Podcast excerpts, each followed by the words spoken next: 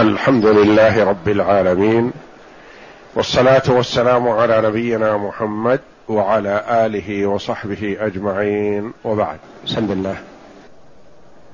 الحمد لله رب العالمين والصلاة والسلام على أشرف الأنبياء والمرسلين نبينا محمد وعلى آله وصحبه أجمعين. يقول المؤلف رحمه الله تعالى وهو الإيمان بالله وملائكته وكتبه ورسله والبعث بعد الموت والإيمان بالقدر خيره وشره. والملائكة يقول المؤلف رحمه الله تعالى أما بعد فهذا اعتقاد الفرقة الناجية المنصورة إلى قيام الساعة. أهل السنة والجماعة وهو الإيمان بالله وملائكته وكتبه ورسله والبعث بعد الموت والإيمان بالقدر خيره وشره.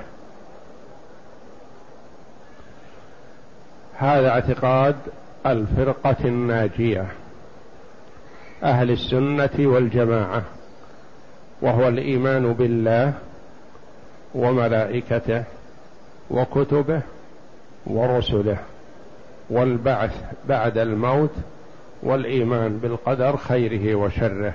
هذه أركان الإيمان الستة التي علمها النبي صلى الله عليه وسلم جبريل لما سأله عن الإيمان.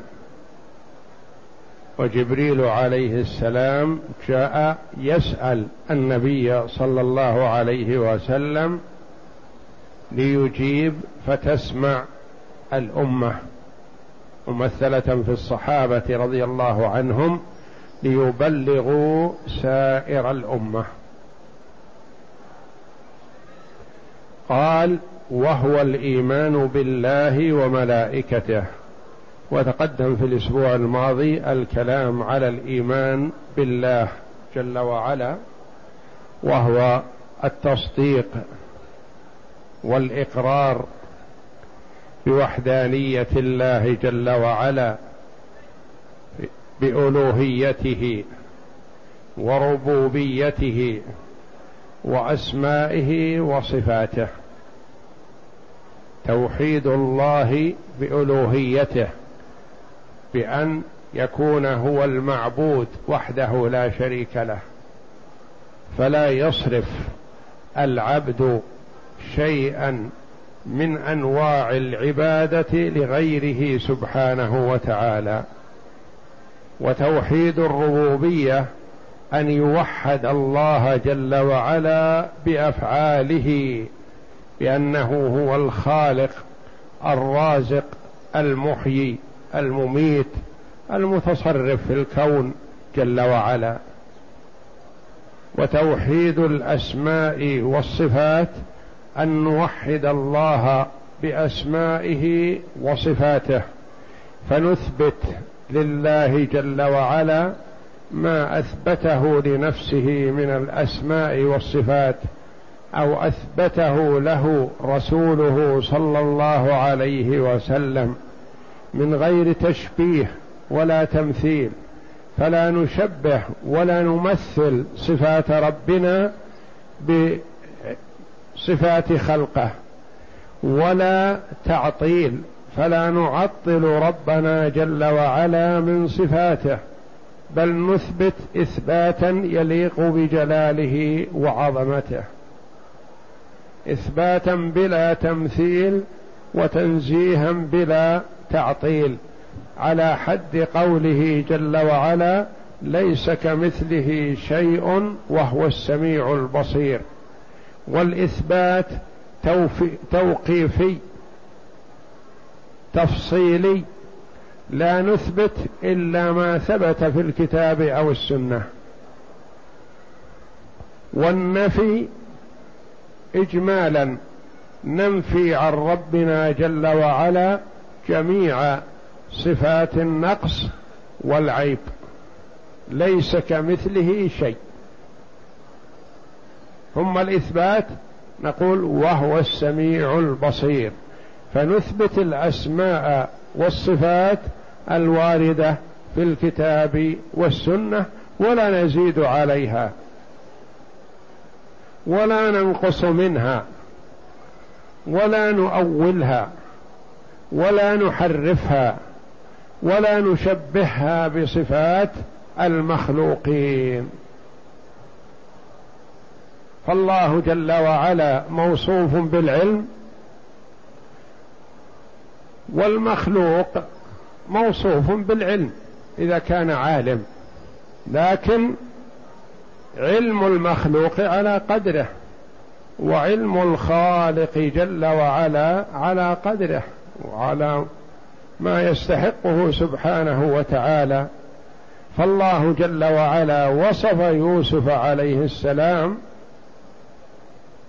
حينما قال للملك اجعلني على خزائن الأرض إني حفيظ عليم. فيوسف عليه السلام حفيظ عليم فيما هو ممكن أن يكون لمخلوق. والله جل وعلا حفيظ عليم فلا يشبه الله جل وعلا بيوسف في حفظه وعلمه.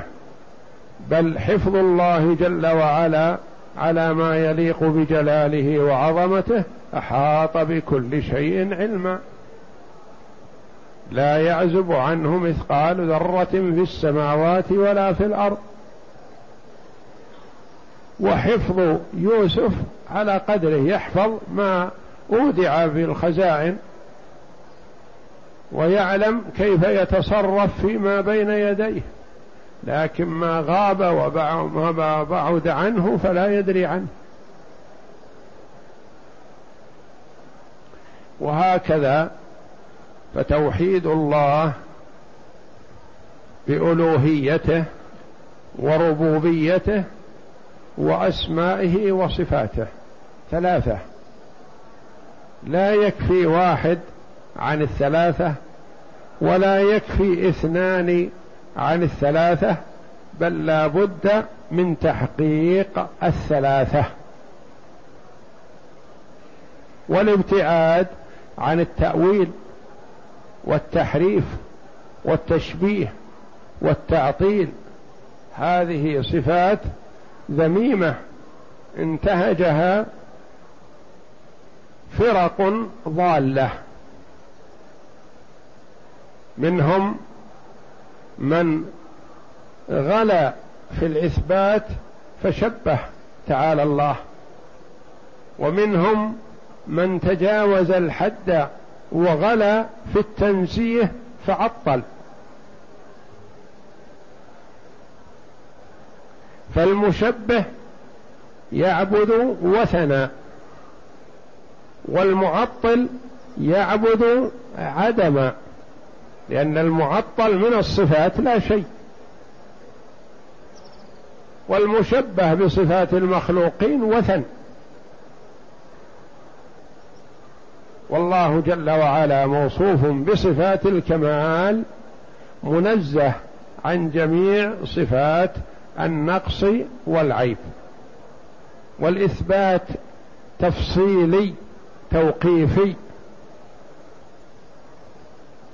يعني ما يكفي أن نقول لله جل وعلا الكمال من كل وجه. نعم له الكمال من كل وجه لكن لابد أن نثبت الصفات الوارده في الكتاب والسنة. فالإثبات تفصيلي. لا نزيد في عما ورد في الكتاب والسنة ولا نجحد شيئا مما ورد في الكتاب والسنة. فالإثبات تفصيلي. والنفي إجمالا. كل صفة نقص وعيب فالله جل وعلا منزه عنها.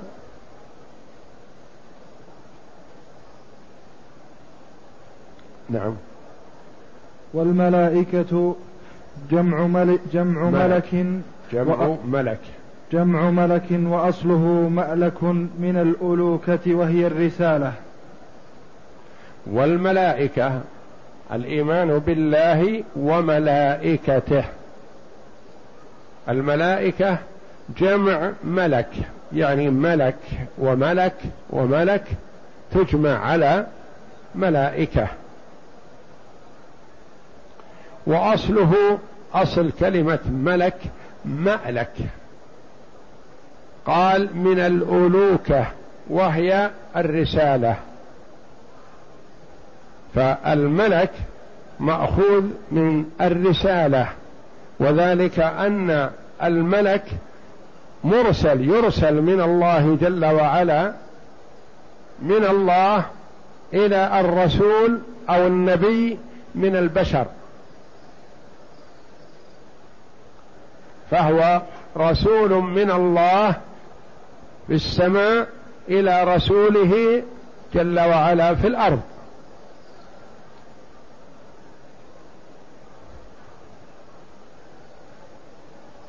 نعم.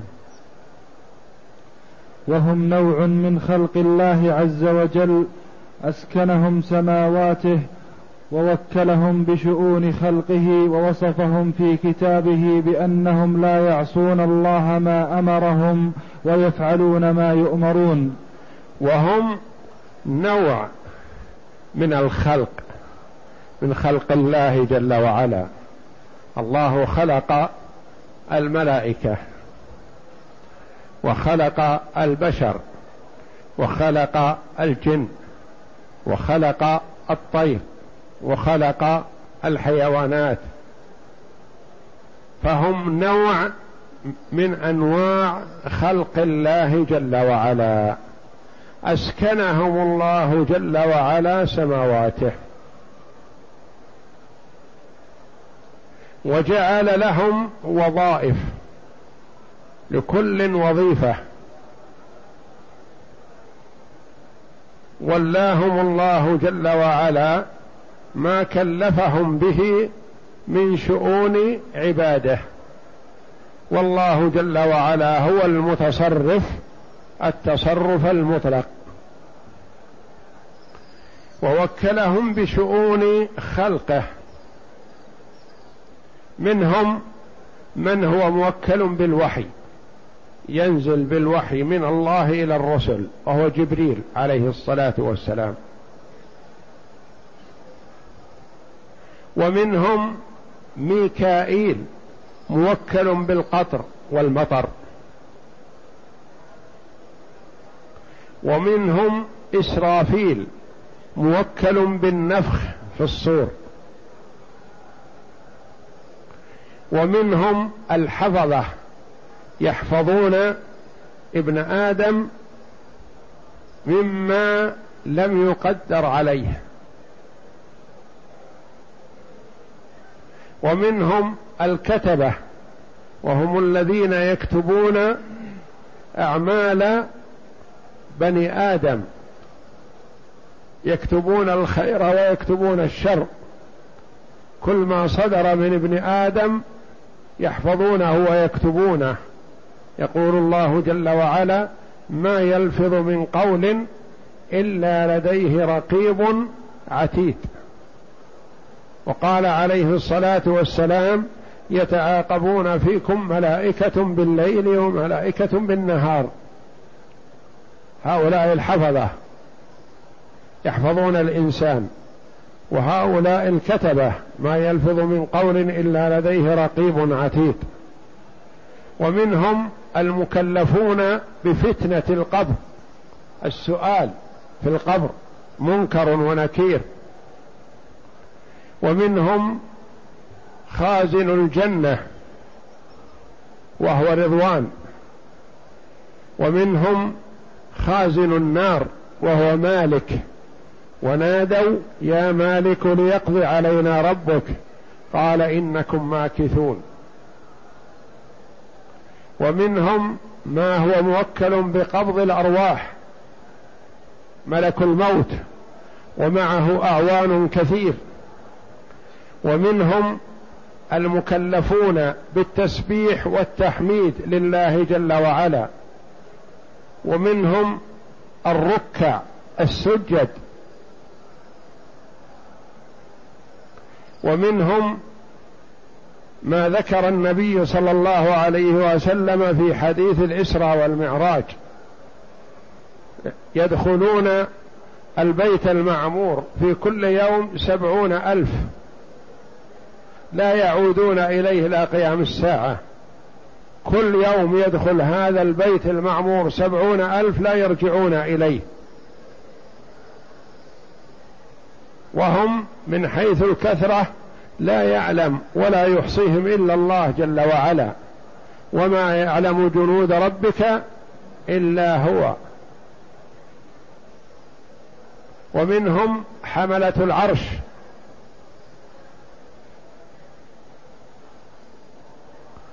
ولهم وظائف شتى. يرسلهم الله جل وعلا بها. وأثنى الله جل وعلا عليهم بقوله لا يعصون الله ما أمرهم ويفعلون ما يؤمرون يسارعون. وهم مخلوقون من نور. وهم عقلاء لأنهم يسمعون كلام الله جل وعلا ويبلغونه ويأمرهم الله جل وعلا وينهاهم فيأتمرون وينتهون.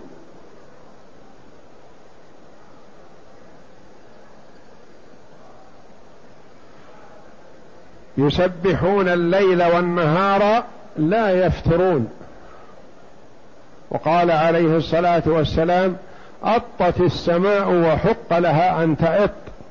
يعني صار لها أزيز كأزيز الرحل الثقيل الحمل الثقيل. ما فيها موضع شبر إلا وفيه ملك قائم أو راكع أو ساجد أو كما قال صلى الله عليه وسلم.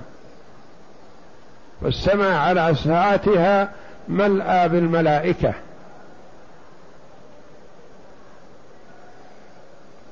وهم يظهرون أحيانا وأحيانا لا يظهرون. ومنهم ملائكة يسيحون في الأرض يلتمسون حلق الذكر فإذا وجدوها جلسوا. ومنهم المكلفون بتبليغ النبي صلى الله عليه وسلم سلام أمته. عليه الصلاة والسلام. وكما هو معروف جبريل عليه الصلاة والسلام اي أحيانا يأتي إلى النبي صلى الله عليه وسلم والصحابة حوله فلا يرونه. وأحيانا يأتي بصورة رجل من العرب معروف كما يأتي كثيرا إلى النبي صلى الله عليه وسلم في صورة دحية الكلب. رجل من رجال العرب.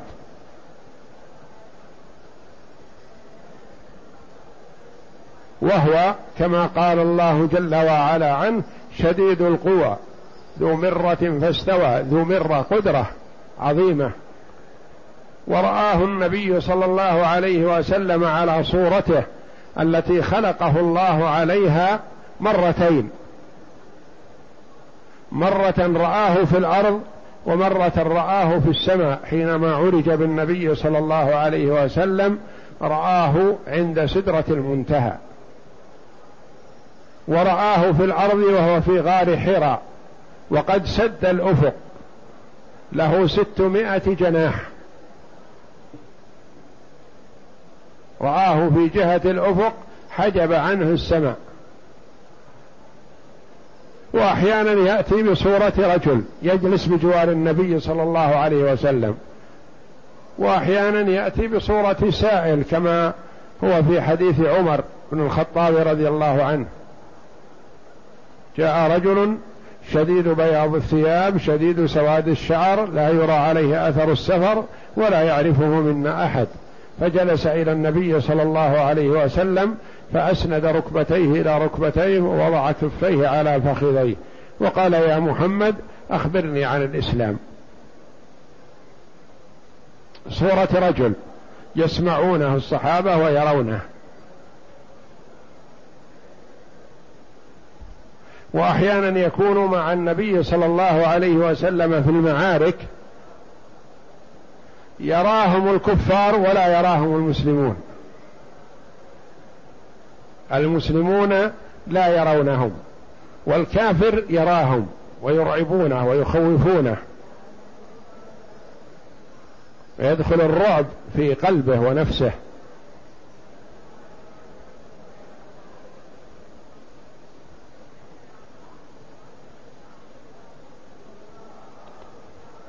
نعم. فيجب علينا الإيمان بما ورد في حقهم من صفات وأعمال في الكتاب والسنة. فيجب علينا الإيمان والتصديق والإقرار بما ورد في كتاب الله جل وعلا أو سنة رسوله صلى الله عليه وسلم عن الملائكة عليهم الصلاة والسلام. فهم عباد مكرمون. معصومون من المعاصي ما تقع منهم المعصية. فيجب علينا الإيمان بما ورد في حقهم من صفات وأعمال في الكتاب والسنة. نؤمن بما ورد في الكتاب والسنة عنهم وما لم يرد نتوقف. لا نقحم أنفسنا في أمور ما كلفنا بها ولا نسأل عن كيفيتهم وعن كيف يصعدون وكيف ينزلون.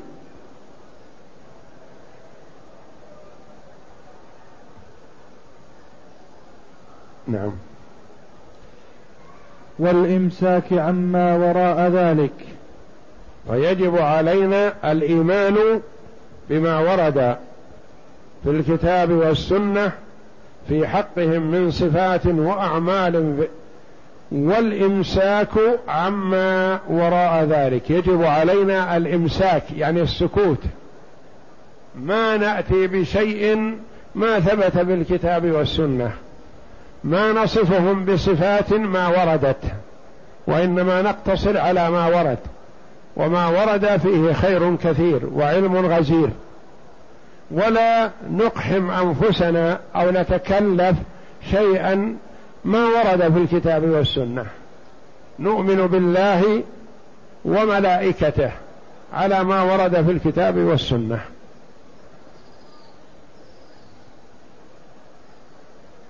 نعم. فإن هذا من شؤون الغيب التي لا نعلم منها إلا ما علمنا الله ورسوله. فإن هذا يعني ما زاد عما ورد في الكتاب والسنة من شؤون الغيب. ما نتدخل في أمور ما أخبرنا الله جل وعلا بها عنهم ولا رسوله صلى الله عليه وسلم. ما ورد في الكتاب والسنة يجب أن نأخذ به ونتعلمه ونؤمن به ونصدق وما لم يرد في الكتاب والسنة نسكت. فإن هذا من شؤون الغيب.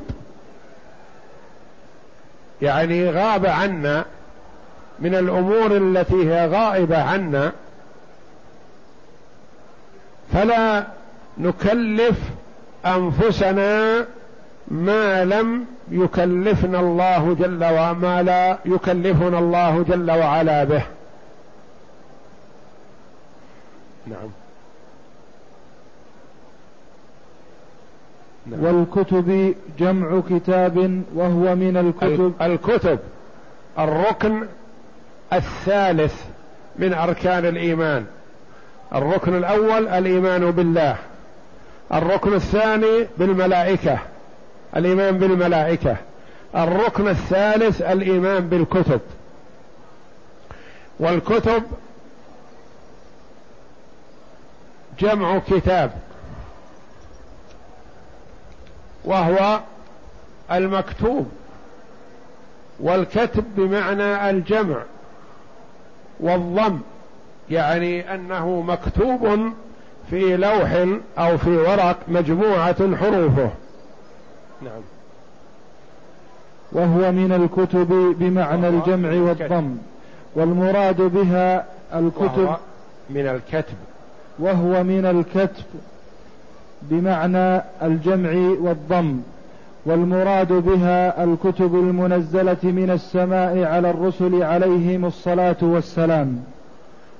والمراد بها الكتب المنزلة من الله جل وعلا تكلم الله جل وعلا بها وأنزلها على رسله.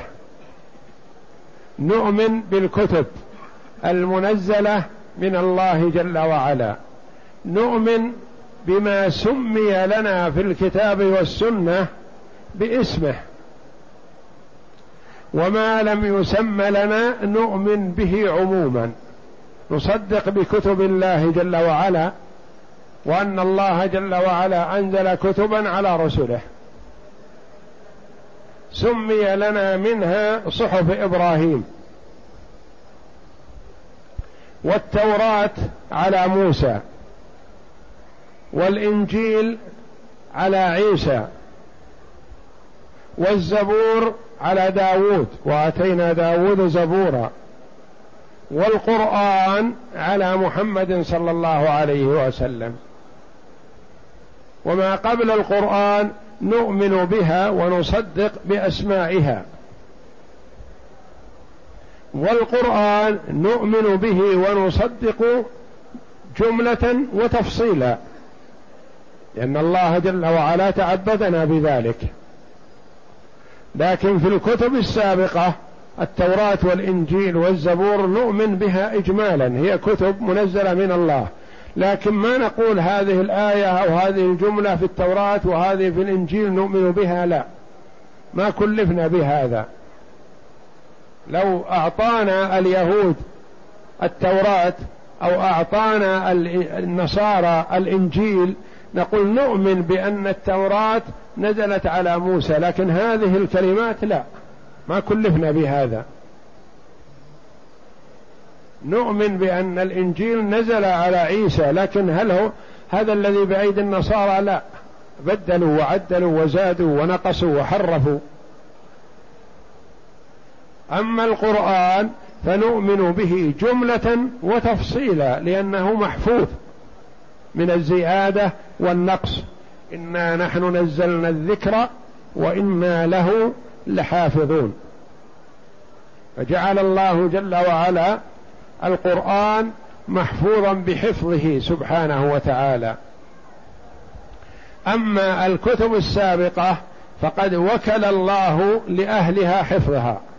كما قال تعالى بما استحفظوا من كتاب الله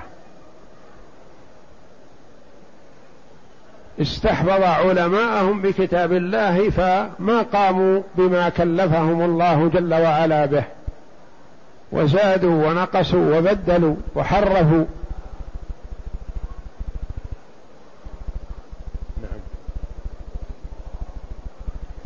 والمعلوم لنا منها صحف إبراهيم والتوراة التي أنزلت على موسى في الألواح والإنجيل الذي أنزل على عيسى والزبور الذي أنزل على داود والقرآن الكريم الذي هو آخرها نزولا وهو المصدق لها والمهيمن عليها وما عداها يجب الإيمان به إجمالا ما عدا هذه من الكتب نقول نؤمن بكتب الله.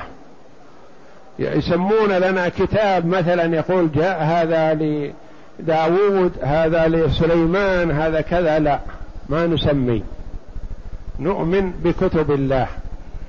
ما عدا هذه الكتب نقول نؤمن بكتب الله لكن ما نسمي شيئا منها لأنه ما ورد تسميته بالقرآن والسنة.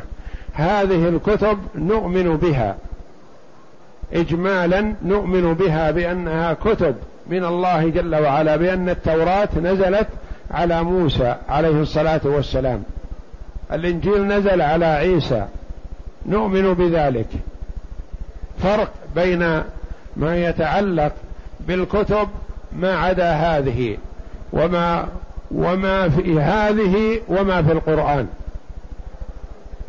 القرآن جملة وتفصيلا يجب الإيمان به.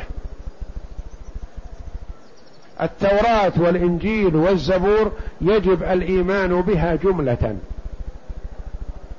بأن نؤمن بأن التوراة نزلت على موسى عليه الصلاة والسلام.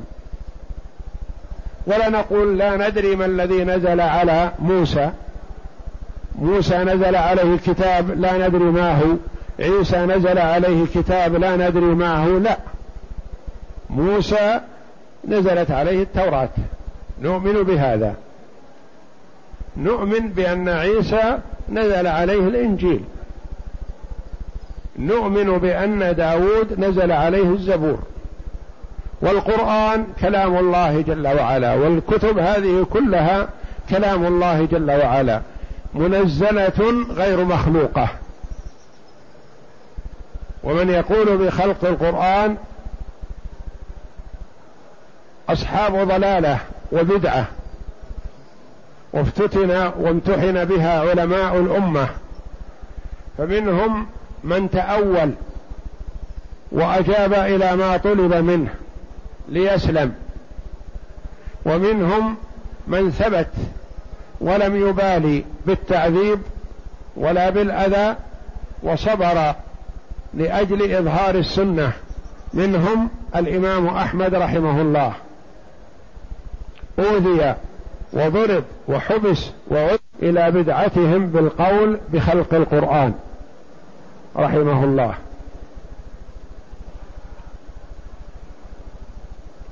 ولهذا قال بعض السلف أبو بكر يوم الردة يعني موقفه حازم وأحمد يوم المحنة.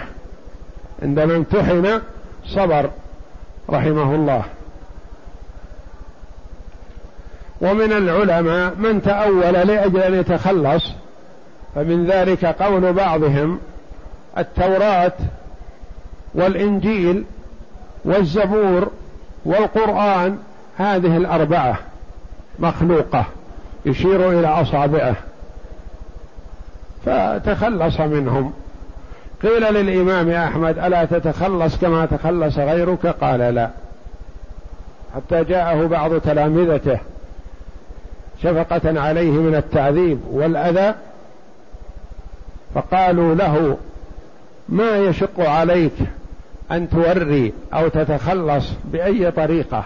لأنه رحمه الله من أذكى العلماء. فقال اخرج وانظر من بالباب. فخرج فوجد الناس مد البصر. جالسين ينتظرون. قال ما شأنكم؟ ماذا تنتظرون؟ قالوا ننتظر ماذا يقول الإمام أحمد لنكتبه. يأخذونه شرع يوجهون به الناس. فقال يا مروضي أتريد أن أضل هؤلاء؟ أقول مقالة مقال الضلالة أتأولها فأضل هؤلاء لأجل يسلم بدني؟ لا.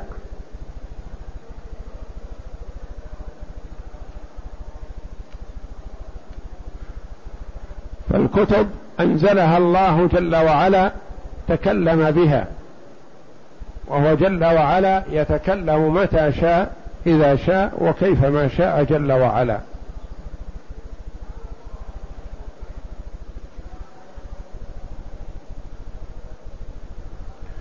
والقرآن هو أعظم هذه الكتب وهو مشتمل على ما اشتملت عليه كلها وزيادة وهو محفوظ بحفظ الله إلى أن يرفع في آخر الزمان في آخر الزمان يرفعه الله جل وعلا من الصدور ومن المصاحف فيصبح الناس لا يجدون آية من كتاب الله. حينما يكون شرار الخلق الذين عليهم تقوم الساعة بعد قبض روح كل مؤمن ومؤمنة. فيرفع القرآن من الصدور ومن المصاحف. مكتوب في المصاحف يصبح الناس لا يجدون شيئا مكتوبا فيها. وهذا معنى قوله منه بدأ وإليه يعود في آخر الزمان.